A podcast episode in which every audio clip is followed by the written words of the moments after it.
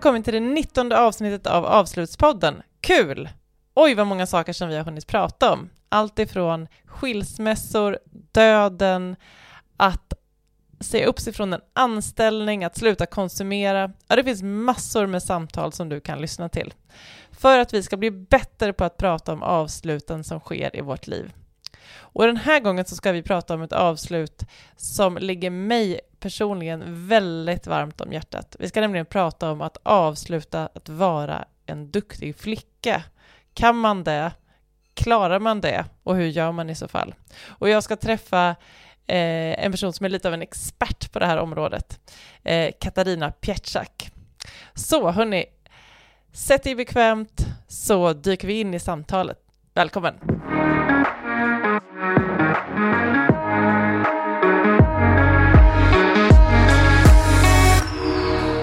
Hej Katarina Pietschak, välkommen till Avslutspodden. Hej Fanny, tack så mycket. Vi pratade lite här innan om hur jag skulle introducera dig, för du är ju en person med många saker som du gör och har gjort. Eh, men då kom vi fram till att det bästa sättet för att introducera det här samtalet kanske är att eh, säga att du är eh, nykter duktig, kom vi fram till. ja, med, vissa, å, med vissa återfall. Ja och, och med den inledningen tänker jag att du får berätta lite mer om både det här, liksom, varför pratar vi om du och jag om duktig och, eh, och lite om vem du är. Mm, det är alltid enklast, jag brukar också göra så. Så får man själv liksom välja ut. Det är svårt, man är olika personer olika dagar. Just idag är jag inte så duktig till exempel. Jag var sjukt seg i morse och låg kvar alldeles för länge i sängen för att jag kunde. Det hade jag aldrig gjort förut. Nej men, eh, om vi börjar i den duktigheten så har ju hela mitt liv, och inte bara yrkesliv, präglats av att jag har eh, levererat gjort det som förväntats, eh, varit den som man kan lita på och eh, funderat över duktighet väldigt eh, mycket och ganska tidigt. Skrev också en bok för många, många år sedan om det. Och det handlade om att jag själv hade eh, känt av att jag inte riktigt vet vad det där är som driver på. Så att jag eh, som då mm, gick i skolan och, och gymnasiet och sen jobbade jag visserligen två år, men sen gick jag direkt till universitetet och sen från universitetet gick jag direkt till arbetslivet och sen var jag i en bransch eh, väldigt länge och var duktig och sen bytte jag bransch och fortsatte vara duktig. Jag eh, kände den där drivkraften. Jag kände att något drev på mig. Men jag visste inte exakt vad det var som gjorde att jag var tvungen att vara så duktig. Och det har jag tänkt jättemycket på, det kanske vi kan prata mer om. Eh, men det, det, är ju någonting i eh, bekräftelsen som har gjort att eh, jag helt enkelt har levererat på sånt som jag kanske inte ens eh, ville. Och idag kan det vara lite eh, sorgligt för mig att tänka på det, att det har varit så mycket drivet av det. För att jag är ju som du vet eh, extremt intresserad av lärande på olika sätt. Och det finns väldigt mycket lärande som stryps om du är en väldigt duktig människa som levererar på andras och navigerar på andras agenda. Så ja, mycket nyktrare, verkligen, tycker jag, men hamnar i tunnlar som alla andra av återfall. Handlar det mest om jobbet för din del, eller är duktigheten en del av hela ditt liv? Mm, alltihop. Eh, det är klart att det har varit mycket, det, en sån här prestationsbaserad eh, självkänsla som det väl handlar om i grunden är ju väldigt mycket kopplat till prestation och det är mycket prestation i jobb. Men för mig tror jag också att det handlat väldigt mycket om hur jag är som förälder, vilket också är lite sorgligt för det färgar ju av sig då på tre döttrar. Eh, hur jag är som vän och som syster och ja, allt sånt där. Jag har i perioder krävt, tror jag, omänskligt mycket av mig själv samtidigt. Och det tror jag verkligen inte att jag är ensam om. Det tror jag vi är många som gör. För att få en lite tydligare bild av dig, kan du ge en liten glimt av din tillvaro idag? Var, var befinner du dig just nu i livet? Jag jobbar ju, eh, precis, då börjar man med vad man jobbar, bara det visar ju någonting. Men jag jobbar på samma ställe som du eh, till vardags, på RISE, Research Institutes of Sweden, där jag då får utlopp för den här passionen för lärande, jag jobbar med livslångt lärandefrågor och pratar om de dagarna i ända och försöker hitta vägar framåt att utveckla det. Och egentligen tror jag att jag hamnade här eh, just byggt på att jag började bryta med de här lite mer leveransklara vägarna i mitt liv. Så att jag eh, kom hit efter att ha gjort en massa olika saker eh, som handlade om lärande, efter att ha varit programledare på Sveriges Radio länge. Um, och idag så tycker jag sådär som Apples grundare Steve Jobs alltid pratade om, att jag ser väldigt mycket så connecting the dots. Jag ser att jag ända sedan, ända sen det där jobbet efter gymnasiet som var som lärare, så har jag knutit ihop en massa knutar mot där jag är idag. Där jag alltså kan vara workshopledare, facilitator, men också designa folks, andra människors lärandeupplevelser mot behov. Försöka också eh, hjälpa mig själv och oss alla att förstå vad det är för lärande som krävs av oss idag när alla pratar om det. Så eh, allt det här levererandet längs vägen har inte varit wasted, utan det är klart att jag har burit mig fram till där jag jobbar idag, som jag ju tycker väldigt mycket om att vara i. Så är det. Om vi börjar lite i det här med att vi faktiskt sitter här två kvinnor och pratar om detta. Eh, jag tänker att den här, eh, det man säger om så här, duktig flicka, det är ju liksom ett säg som är någonstans vedertaget. Vi pratar sällan om duktiga män. Är det så att det på något sätt finns en skillnad? Vad tror du? Det var så roligt för att igår såg jag på eh, Facebook någon som eh, la ut sin son som gjorde någonting, vuxen son. Och så var det någon annan som skrev så här, duktiga ni är. Och då reagerade jag, för att eh, det är så pass, tror jag, ovanligt. Det här är ju bara en subjektiv upplevelse, men jag hör inte så ofta att vi säger så här, ja, ja, han är så duktig. Möjligen då, han är så duktig på det där, att det är mer specificerat. Men inte duktig i generell betydelse, utan då är det mer så här, det är en väldigt kompetent, eller det är han som är så bra på, eller så. Jag kan absolut inte eh, leda det här i någon slags bevis, men jag har en känsla av att vi har gjort någonting med ordet duktig. Och jag tänk, jag tror, jag vet, jag har träffat män som har samma typ av beteende kopplad till duktighet som jag eller andra kvinnor som jag ser. Så jag vet att det finns duktiga män eller duktiga pojkar, eller säger man inte bror duktig? Men då är det kanske något mer präktigt liksom över det, jag vet inte. Um, men det är inte alls lika frekvent, därför att när jag träffar den typen av kollega eller kompis eller man som är man, så reagerar jag. Återigen, precis som på det på Facebook. Så det är någonting vi har gjort med det där ordet duktig. Och jag, eh, jag sa det där med prestationsbaserad självkänsla förut. Jag tror att det här kan ha extremt djupa eh, orsaker som, eh, som är strukturella, men jag har funderat rätt mycket på att jag tror inte att det bara är strukturer av typen könsmaktsordning. Eh, Eh, jo, jo, men inte den som vi brukar prata om. Inte den som handlar om att kvinnor gör 60% mer av hemarbetet och sådär. Bara. Det är en jättestor del såklart. Men jag tror också att det är någonting om på något vis ett, ett eh, djupt underläge som kvinnor kommer ifrån från början. Så här, ingen rösträtt, arbetade inte.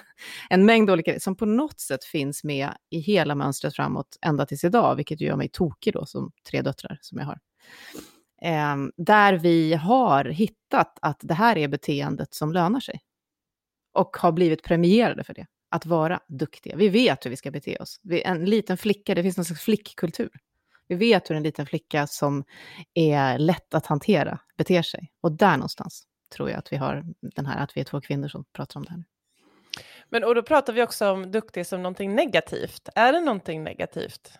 Jag har också tänkt på att man blir nästan så här dubbelbestraffad. Först så är man duktig, sen ska man också få höra att man är duktig med en lite nedlåtande ton. Någonting som jag och jag vet du i vardagen i arbetet ofta tänker på, det är människans behov av att få bidra. Alltså hur får jag bidra till det sammanhanget där jag är? Hur får jag känna mig som en del av det? Hur får jag känna mig viktig? Och där någonstans finns det ju en duktighet. Eller det är så här, jag, mitt bidrag är av värde. Så nej, det är ju såklart inte bara negativt. Jag tror bara att det handlar om någonting som vi har devalverat i ordet. Eh, kanske måste vi återta det eller byta eller eh, göra någonting annat. För duktig flicka är ju, jag vet inte om det är någon som tycker att det klingar positivt idag. Och då blir det en sån där dubbelbestraffning som ju är ganska plågsam, eftersom jag ville ju bara bidra och göra något viktigt. Och du som har tre döttrar nu, som är liksom i spannet mellan, vad är de? 19 och 8. Ja, 19 och 8. Ja, ja. Så du, du, jag tänker du har, du har sett dem eh, växa upp en del. Eh, har du hört dem reflektera kring det här någon gång? Ja, alltså jag... På något sätt så har ju eh, alla kanske inte, men jag har en ganska så här, grundmurad tro och hopp på att ja, men nästa generation är alltid bättre. De får det alltid bättre, de strävar alltid mot något bättre. Det har säkert att göra med hur jag eh, tänker mig, jag tittar mycket framåt i, i mitt liv. Men och då så kan det fälla mig verkligen när jag ser att eh, de stöter på samma typer av eh, eh, strukturer eller hinder eller, eller uppfattningar som jag själv har gjort. De är mycket mer medvetna än jag någonsin var. Hade du frågat mig när jag var tonåring så hade jag sagt va? Vadå? Jag var väldigt omedveten tycker jag, nästan pinsamt idag. Eh, medan min äldsta, då hon som fyller 19 snart, satt redan som jag vet inte, 14-15-åring i flöden och fightades mot eh, uppfattningar, så folk, saker folk skrev och sådana saker. Eh, har varit väldigt så, liksom power, ganska hardcore, feministiskt inställd och sett framförallt strukturer tidigt. Så.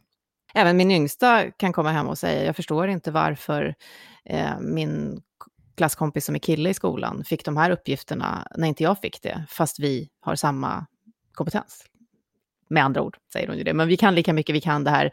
Han fick eh, göra det här, jag fick inte det. Eh, alltså de reagerar mycket hårdare, eh, vilket är positivt. Men jag önskar ju att det ändå också hade kommit längre. Jag ser att det här traderas. Jag ser att det traderas av lärare, av eh, arbetsgivare, av chefer, eh, därför att det är bekvämt det är ju bekvämt att hålla på som duktig. Och man blir ju liksom, och även om alla säger så här, nej men ta hand om dig, gör inte det där, så är det ju någonting som gynnar sammanhang därför att de glider framåt. Och det, det tycker jag är bekymmersamt. Jag funderar mycket på hur man kan bryta det. Och då kommer du in lite grann på vad som triggar duktigheten. Jag sitter där och funderar på vad som triggar duktighet i mig. Och um, jag tänker jag bollar över till dig först. Vad, vad triggar duktighet i, i dig? Eller duktighetsbeteendet, det här ja. som vi kanske inte alltid vill ska ta över. Det är, en, det är en ganska svår fråga, för jag tror att det är många olika saker. Just det där när man inte... Varför har jag den här självkänslan? Var, var kommer det ifrån? Det måste jag ha börjat jättetidigt. Men jag tror kanske att det är någonting kring, eh, alltså tyvärr den typen av eh, bekräftelse och positiv feedback som jag får för någon form av prestation eh, känns ju toppen just då. Men jag tror att den också triggar mig att, ehm, eh, vad, het, vad, vad, finns det för bra svenskt ord, liksom overexceed, overachieve, alltså att, att göra mer, ännu mer nästa gång. Att det jag tänkte mycket när jag skrev den här boken som väldigt ung, det känns också som väldigt länge sedan, men på att jag alltid fick höra att det räcker om du gör ditt bästa. Men vad är det? Alltså det finns väl inget tak för det? Och det höjs väl i så fall varje gång. Så om jag får den där bekräftelsen så tror jag att nästa gång så måste jag liksom slå det på något vis. Jag, och, och, det, har kanske, det kanske är en olycklig kombination med att jag alltid vill lära nytt. Så att jag ska alltid pusha lite till. Så. Och får jag mycket sån typ av, eh, av feedback så tror jag det är en ganska stor trigger. Och sen kan det också vara om jag hamnar i något hål där jag inte känner mig så himla bra helt enkelt. Eh, då kan jag ju fundera mycket så här, är jag, är jag är jag passé nu eller är, det, är min kompetens relevant? Eller så här. Och då anstränger jag mig ännu, ännu hårdare, tror jag. Och själv då? Vet du? Nej, men jag sitter ju och funderar och jag mm, kan nog ändå känna att idag så är jag ganska obrydd. Det här säger jag och så behöver jag nog verkligen rannsaka mig under ett år. att, liksom, att jag inte bryr mig så himla mycket om vad folk tycker om vad jag gör, utan det handlar väldigt mycket, att det kommer väldigt mycket inifrån mig själv. Um, och att det verkligen finns här, sammanhang och sammanhang. I vissa sammanhang känner jag att det spelar ingen roll. Jag kan liksom prestera precis good enough och jag tänker att det är precis good enough. Men det finns ju såklart, ehm, e-, så för min egen del så tror jag det handlar väldigt mycket om liksom helheten av livet. Där jag liksom spinner igång det här liksom att man tar ansvar. Duktigheten i att så här, stötta andra. Nu har du det jobbigt, så här, då hjälper jag dig. Eh, vilket ju jag också tycker är någonting som jag ju gärna vill kunna göra. Men att i det så ligger också, så här, om man vänder på det och tittar på, på personer som, eh, som inte gör det, så kanske de också har mer energi kvar när dagen är slut. Det där känner jag igen jätteväl. Mm. Uh, och den är svår att stänga av, för det ligger mm. så mycket liksom av det här empatiska förhållningssättet och att man vill finnas till för folk man tycker om. Men då mm. blir det också att man, man är jävligt duktig i det. Men det är som en krock med ens grundvärderingar nästan, för det är precis det du säger. Att min, min grundvärdering är att typ, vi måste väl hjälpas åt alla tillsammans här. Och ser jag då att det finns ett behov, precis som du beskriver, så vill jag det. Men då kan det vara så här, du är en trasa vid dagens slut. Eh, och det var det värt, eller? Det där med syrgasmasken på först och sådär, allt det där som man vet i teorin. Så jag känner väldigt väl igen det. Men jag, om jag bara tittar på dig eh, utifrån eh, en analys du inte bad om, så ser, tycker jag att jag ser det här. Jag tycker verkligen, alltså jag kan bli imponerad av att du just kan så här, in, att jag inte uppfattar att du navigerar på saker utifrån lika mycket som jag har gjort tidigare. Eh, för det är ju just definitionen på den här självkänslan som bygger på prestation. Det är ju att någon annan hela tiden ger dig den här feedbacken. Och jag har haft det mycket, jag har försökt göra slut med det mycket, men det är klart att det ligger djupt inom mig efter ett helt liv i det. Och det är därför sån typ av feedback fortfarande triggar mig mycket. Så att, eh, jag tycker det är imponerande, det var det jag ville säga. När, när man inte gör det. Mm. Ja, och vissa saker är ju, det är ju som sagt väldigt svårt att veta var det kommer ifrån. Ja, jag drev en gång ett annat poddinitiativ, väl, det väldigt kort och väldigt liksom hemligt förhållande som hette Hybris-turnén. Och då pratar vi om, om vi kommer in lite på detta med hybris bara för en kort stund, eh, som är liksom relation till duktig, när man tycker att man är så här, eh, den här känslan av eh, att man är jävligt bra. och den är på något sätt, det är intressant för att när vi pratar om duktig så känns det som att det är, triggas mycket utifrån som du säger mm. och, och, i liksom värderingar. Men hybris är en så här stark egoistisk liksom känsla av att eh, så här, välj mig för jag är bäst. Ja, ja. Eh, och det är intressant för att de, de kan ju ligga bredvid varandra och tugga. Och där kan det bli ett ganska starkt eh, så här, eh, konflikt Ja, och det har jag funderat på också om det gäller eh, könsskillnader eller inte, men det är sådär ganska många gånger som jag i ett yrkesliv har liksom kanske någonstans långt in känt att så här, jag skulle vilja säga så här, jag har ingen lust att göra det här, eller jag orkar inte, eller gör det själv, eller så, men inte har gjort det. Um, och, då, och då ändå liksom inte kanske varit den i slutänden som fick kredden. Alltså den där hybrisen, vad fan vad jag är bra, den gick till någon annan. Liksom. Och då har jag stått och tänkt, varför håller jag på så här? Det blir som någon slags näringskedja där jag sätter mig själv längst ner hela tiden för att, för att jag ska då vara där och ta hand om och fixa och göra sådär. Och det, det kan jag säga, det har jag nästan aktivt och aggressivt gjort slut med. För att jag just hellre vill vara där uppe på din hybris hybrispodd.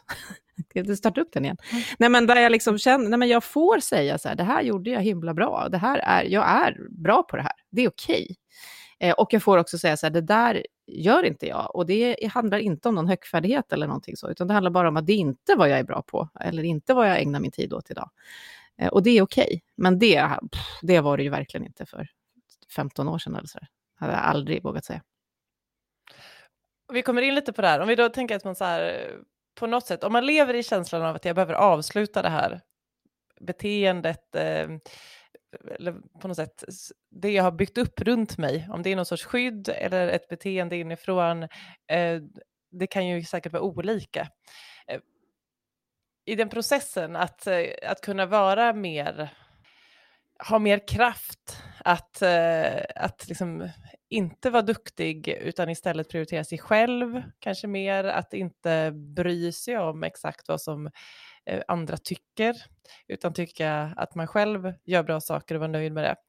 Liksom, hur, vad, vad behöver man göra? Vad, vad har, du pratar nu om det, att du liksom har behövt bryta dig loss aggressivt. Mm.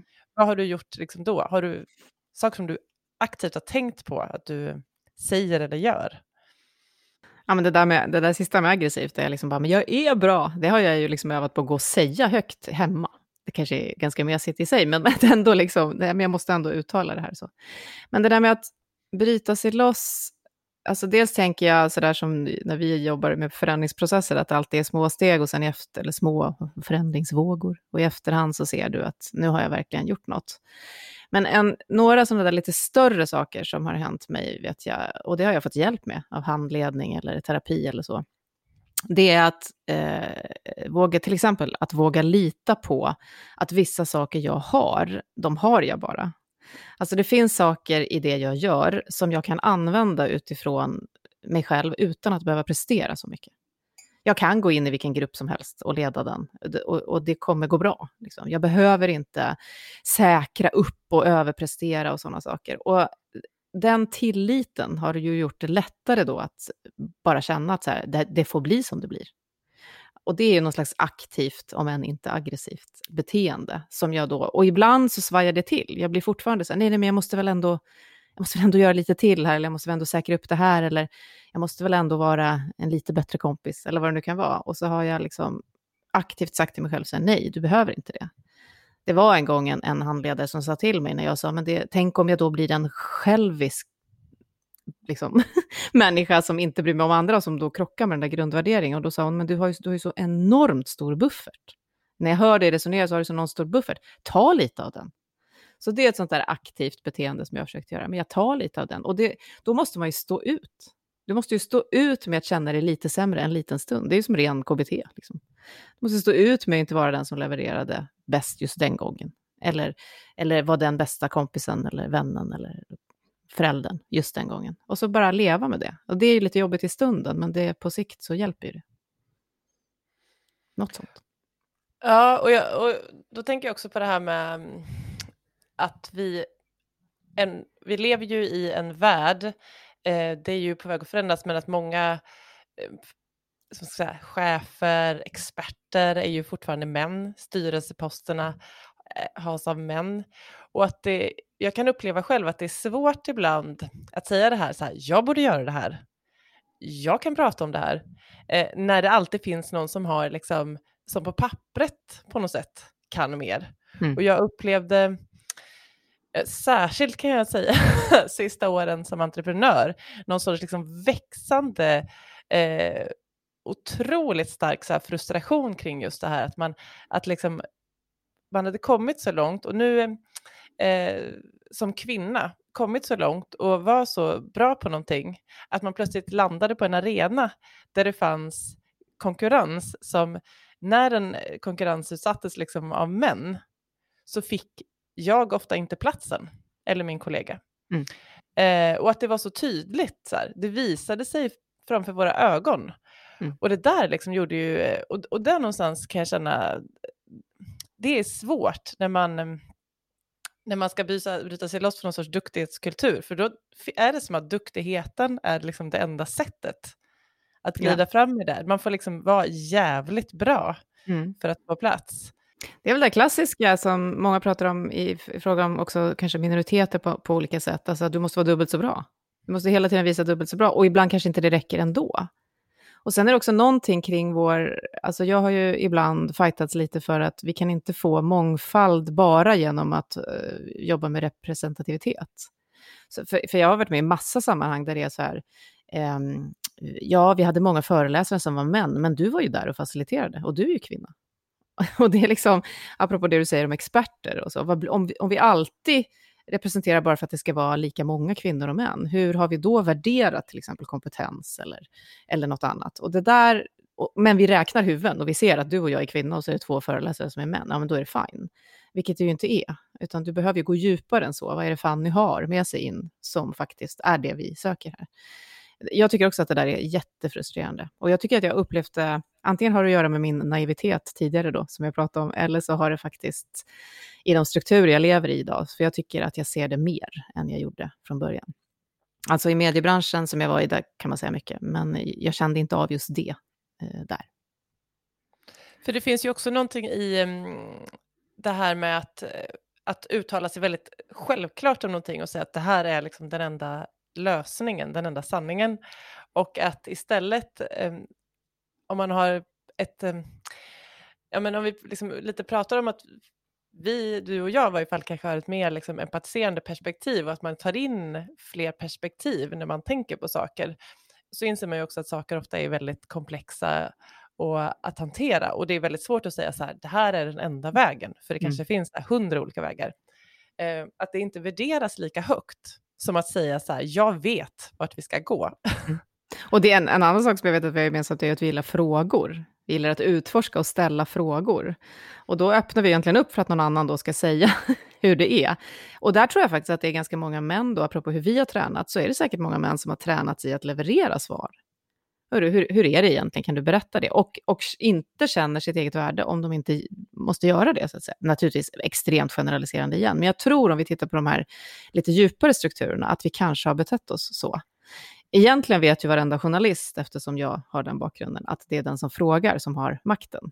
Men det ser ju inte ut så på en scen om någon ställer sig och levererar den sanningen som du beskriver det, utan då är det ju experten och så är det ju någon som, som var med där. Liksom. Jag vet inte om du har tänkt på också i många, många sammanhang i stora konferenser och sådana saker, så, så är det många män som sitter i paneler och så, och som får alla blommor, och så står det någon moderator eller facilitator där som har gjort hela jobbet för att få fram det här, som jätteofta är kvinna och som inte all, alls inte ens alltid avtackas. Liksom. Så att det är väl bara ett, ett litet tecken. Ja, men det är den här osynliga handen, den där ja. som liksom för fram saker. Och precis, man kan känna efteråt så här, he, hela det här liksom, um, att det blev så bra som det blev, det, det berodde på mig. Ja, det, kan det var jag. Känna. Det var jag som gjorde det, men det är ingen annan. Nej, nej. Som... Och det kan jag säga, det har jag gjort slut med. För att mm. det har jag verkligen gjort slut med. Jag eh, hade någon slags uppfattning tidigare om att det där står jag över. Det är liksom lite så här förmätet av mig att tycka eller känna att jag behöver den, den typen av, liksom ändå vara med i credden-sammanhang. Eh, så. Jag står över det, jag, jag bryr mig inte om sånt där. Och det har jag känt nu så här, jag vet inte om jag är egentligen jag har ju inte bara svenskt påbrå, ibland så säger min man att du är, du liksom, vissa koder, där verkar du vara helt någon annanstans. Så. Men just meritokrati kan jag känna att det ändå är så här, jag tycker det är svårt när andra tar åt sig liksom, en hel, och jag vet inte riktigt varför, det kanske har att göra med det här, att jag har stått i de där sammanhangen så många gånger. Eh, eller så är det bara att jag vill ha berömmet. Jag hoppas att det inte bara är det. För jag reagerar hårt också på andra när det blir så. så om du kom med en idé och så är det någon annan, ofta man, som driver vidare den, som om det var hans. Det reagerar jag väldigt starkt på. Så mm, det, jag tror att det där har triggat det. Ja, eh, finns det då, kan man säga att det finns strukturer som vi behöver bryta oss fria på på något sätt för att, för att sluta vara duktiga, om nu duktig är liksom något negativt. Men jag tänker att duktig kanske inte kan vara helt, liksom, precis som du sa i början, så här, helt positivt och enkelt eh, laddat förrän vi har kommit ut på någon annan arena. Mm. Då kanske mm. tänker jag att så här, duktig egentligen um, kan ju handla om att man bryr sig om eller tar ansvar för och sådär. Och att det är egentligen väldigt fina egenskaper. Det är det ju om, om alla hjälps åt att ta ansvar. För det är en sån sak som jag tycker jag har upptäckt genom livet, att jag verkade visst ha en en övertro på just det där att vi hjälps åt att göra det här tillsammans. Vi hade inte signat något avtal kring det, visade det sig. Det var en del som inte alls var inne på den tanken. Och då blir det, ju om du står själv kvar med ansvaret och är duktig i det, det är då det blir problematiskt. Om vi hjälps åt med ansvaret, då kan vi ju alla vara så duktiga vi kan. Och det finns ju många andra ord och, och omskrivningar och utnyttja sin potential och växa med sin, ja, allt det där. Så. Men det vore ju fint på något sätt om vi kunde återta ordet duktig. Ja, finns det struktur? Ja, eh, tycker jag att svaret är på det. Eller jag tänker det. Jag säger det som expert. ja, det finns strukturer som vi behöver bryta oss loss ifrån. Hur är ju en svår fråga. Det finns ju de där som jag sa, då, de där som är eh, svåra men enklare att se. Eh, liksom, fortfarande ojämlikhet och så. Alltså jag själv har ju funderat mycket. Jag är ju en sån som inte alls eh, gör 60 mer hemma, verkligen inte. Och inte heller är uppväxt med riktigt på det sättet. Um, men ju är en del av en större struktur såklart, som har färgat och påverkat så. Men jag har ändå det här väldigt, väldigt starkt, så det är därför jag har funderat mycket på de här bakomliggande. Och det som jag tycker gör lite ont, det är ju då att det här traderas. Så vi behöver bryta oss loss, behöver jag då gå till min yngsta dotters pedagoger och säga jag ser det här fortfarande 2021. Eh, och det här kommer att färga min dotter. Eller behöver jag, alltså vilka konkreta åtgärder kan jag göra och vad kan jag påverka? Det är lite svårt eh, när det är så starka strukturer. Och just skolan tänker jag, det pratar vi ofta om i andra sammanhang, att det är en väldigt så förändringsresistent plats och kultur. Och, och mycket formas där. Om det är där flickor blir ännu mer eh, ansvarstagande, används som bumpers mellan bråkiga killar, har en förväntan på sig att leverera på ett visst sätt, då måste vi göra någonting där, tror jag. Och sen för oss själva då, så, så, så tror jag på, eller för egen del i alla fall, så tror jag på det här att eh, jag, måste, jag, jag måste stå ut med de obehagskänslor som kommer av att jag bryter mot mitt automatiserade beteende. Och det är ibland jätte, jättejobbigt, men det blir lättare och lättare. Och jag har eh, funderat mycket på, om det här, på det här med, mm, som man pratar om, mycket om nu i vissa kretsar, ska jag säga, eh, om liksom maskulint och feminint, liksom, ledarskap eller liksom i, och hur det på något sätt eh, tar sig uttryck. Jag är inte helt färdigtänkt eh, i de tankarna. Jag tycker att det är komplext om något. Eh, men det som jag i de tank process, tankeprocesserna har liksom, kan se hos mig själv, det är ju just det här att jag lätt avsäger mig tid som är... Att det, jag har väldigt svårt att eh, ta mig tid för sånt som bara är liksom för min lust och njutning. Mm. Eh, att jag... Eh, för att där ligger prestationen och tickar, eller där liksom känner jag ansvaret. Eh, och att jag, där har jag lite så fått bryta in typ så här, jag bokar upp en kurs som inte heller har med prestation att göra, utan något som bara är kul. Eller ja, jag bokar upp att uh, ta en promenad med en kompis länge, flera timmar liksom, och inte bryr mig om. Och ändå kan den här lilla liksom, ja. tickande känslan finnas där att jag borde åka hem, jag borde se till att alla har det bra. Så. Mm. Det har jag också. Och ibland har jag funderat på hur mycket eh, jag tränar och så. Det finns ingen press på mig att komma hem inom viss tid. Men den ligger där och tickar. Ehm, jag har tänkt också att det handlar om att när barnen var små, att det, så här, då vet man att den som är hemma har det lite jobbigt just nu. Så här, eh, och då tar jag ansvar för det. Och så är det ju inte ens längre. Så det är liksom, nej, det där är nog, sitter djupt. Jag tror mycket på sånt och att det liksom är, jag känner igen att det är nästan lite så här förbjudet att tänka att men det där gjorde jag bara för att jag ville. Så. Um, jag kommer ihåg att det var en, en eh, i min närhet som sa för några år sedan när jag reste extremt mycket och hade mindre barn. Och så, så, fort jag skulle, så fort jag hade gjort något jobb någonstans så kastade jag mig iväg mot ett tåg för att springa hem så att jag kom hem. Och sen när jag kom hem var jag helt slut och det slängdes i tre barn över mig och jag orkade knappt med det. Så att säga. Och så sa den här personen, varför stannar du inte på till exempel Centralen eller Arlanda eller var du nu var någonstans och sätter dig ner och tar en kaffe och tar nästa transport hem? Och jag bara, va? va? det är inte möjligt, hur menar du? Jag måste skynda mig hem, jag har ju varit borta. Sådana typer av saker tror jag är jätteviktiga att göra. Jag klarade det inte då, men idag så är det. Jag kommer ihåg en sån här, som kanske kan inspirera. Jag, för, för ett gäng år sedan så kände jag liksom eh, behovet av att jag behövde göra något för mig själv. Eh, och då hade jag ett barn och eh, hade nog tappat bort mig själv lite på vägen i den resan. Så då bokade jag en eh, så här, surfresa till Biarritz själv.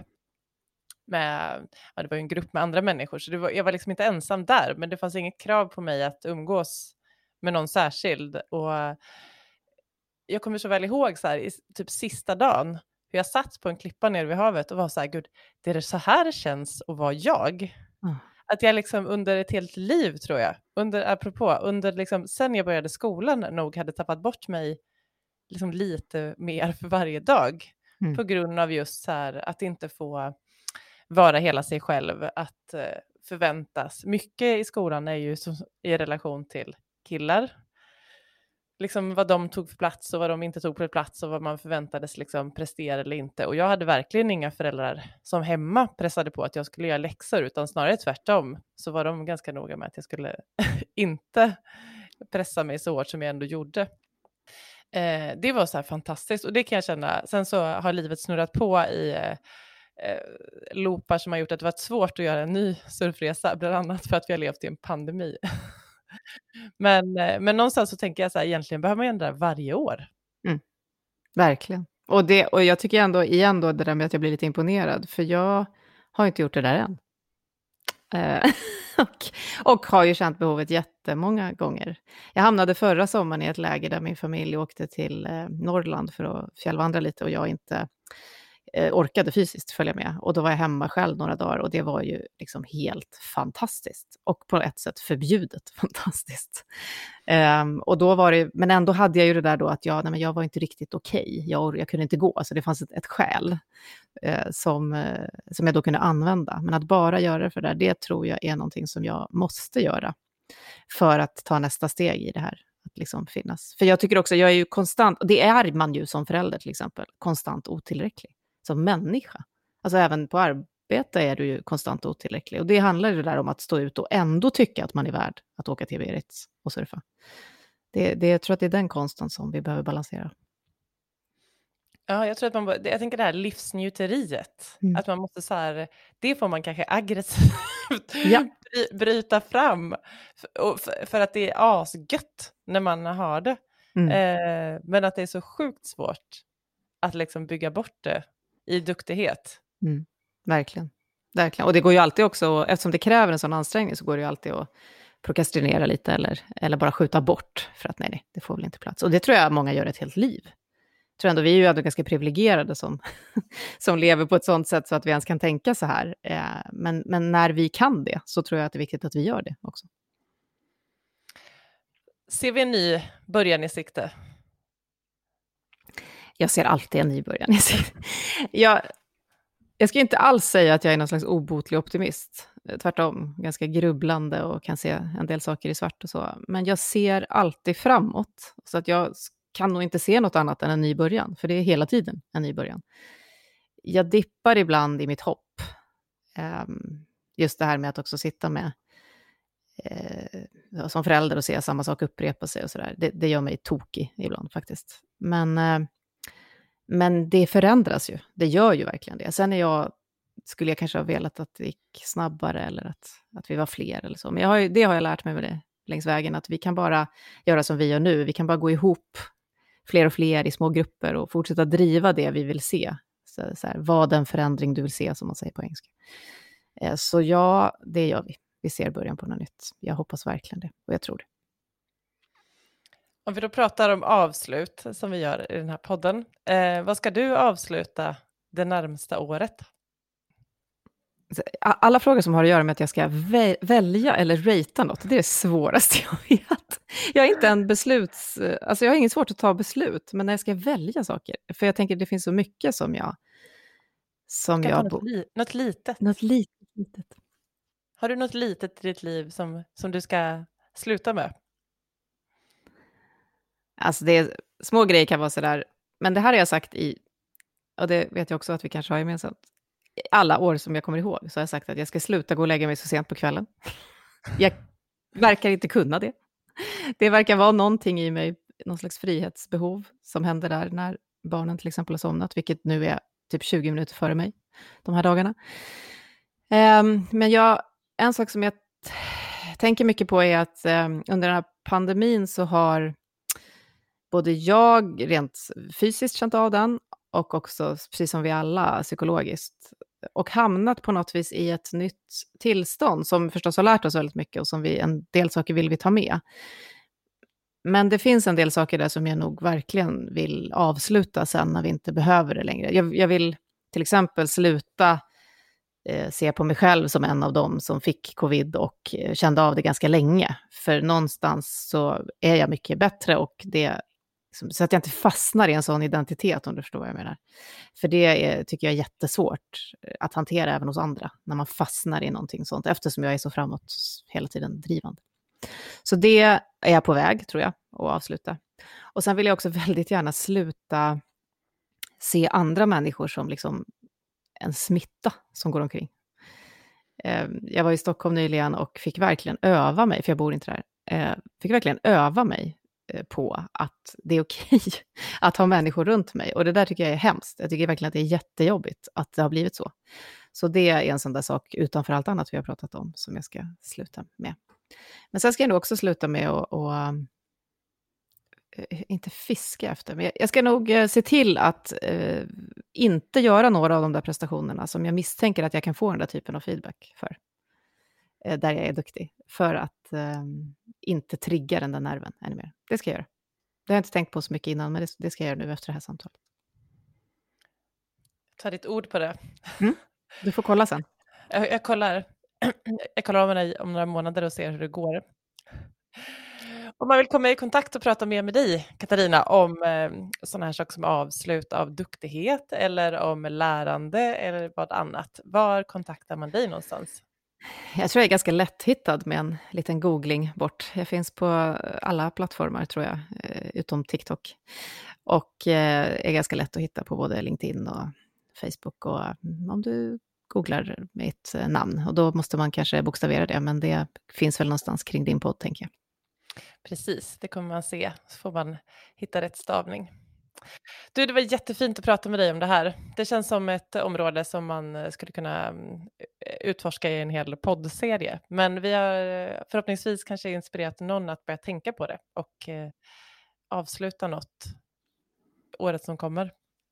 Början på det slutet. Exakt, början på slutet. Tack!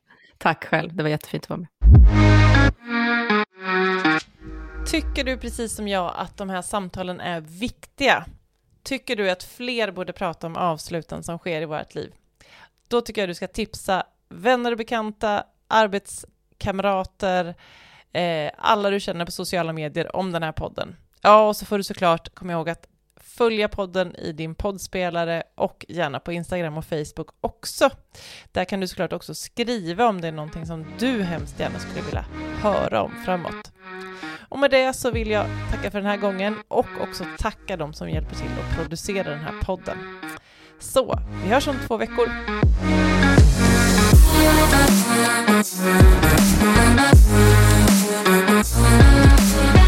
Thank you.